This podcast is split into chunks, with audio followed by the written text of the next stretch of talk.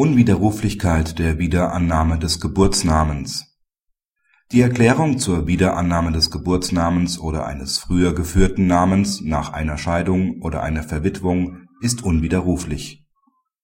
Die 1981 verwitwete Ehefrau nimmt aufgrund einer Erklärung gegenüber dem zuständigen Standesbeamten im Jahre 2007 ihren Geburtsnamen an.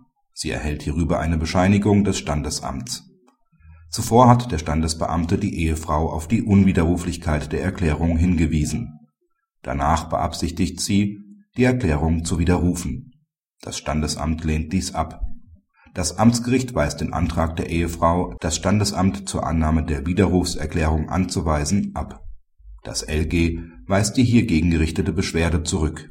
Die Ehefrau legt sofortige weitere Beschwerde ein. Das OLG weist diese zurück ein Widerruf der Annahmeerklärung kommt nicht in Frage. § 1355 Absatz 2 Satz 2 BGB gibt dem geschiedenen oder verwitweten Ehegatten die Möglichkeit, seinen Geburtsnamen nach einer Scheidung oder als Witwer wieder anzunehmen. Macht er von diesem Recht keinen Gebrauch, behält er seinen Ehenamen. Eine Widerrufsmöglichkeit scheint sich demnach nach § 1355 Absatz 5 Satz 3 und Absatz 4 Satz 4 BGB zu eröffnen. Das steht jedoch mit dem Sinn und Zweck der Vorschrift nicht im Einklang.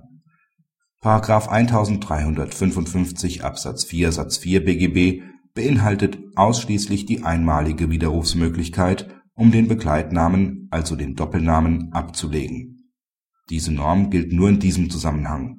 Ein Widerruf der Annahme des Geburtsnamens ist im Ergebnis nicht möglich Darauf wurde die Ehefrau vom Standesbeamten auch hingewiesen.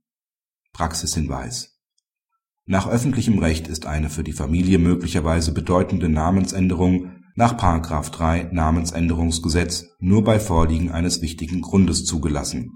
Die Umstände sind von Amts wegen zu ermitteln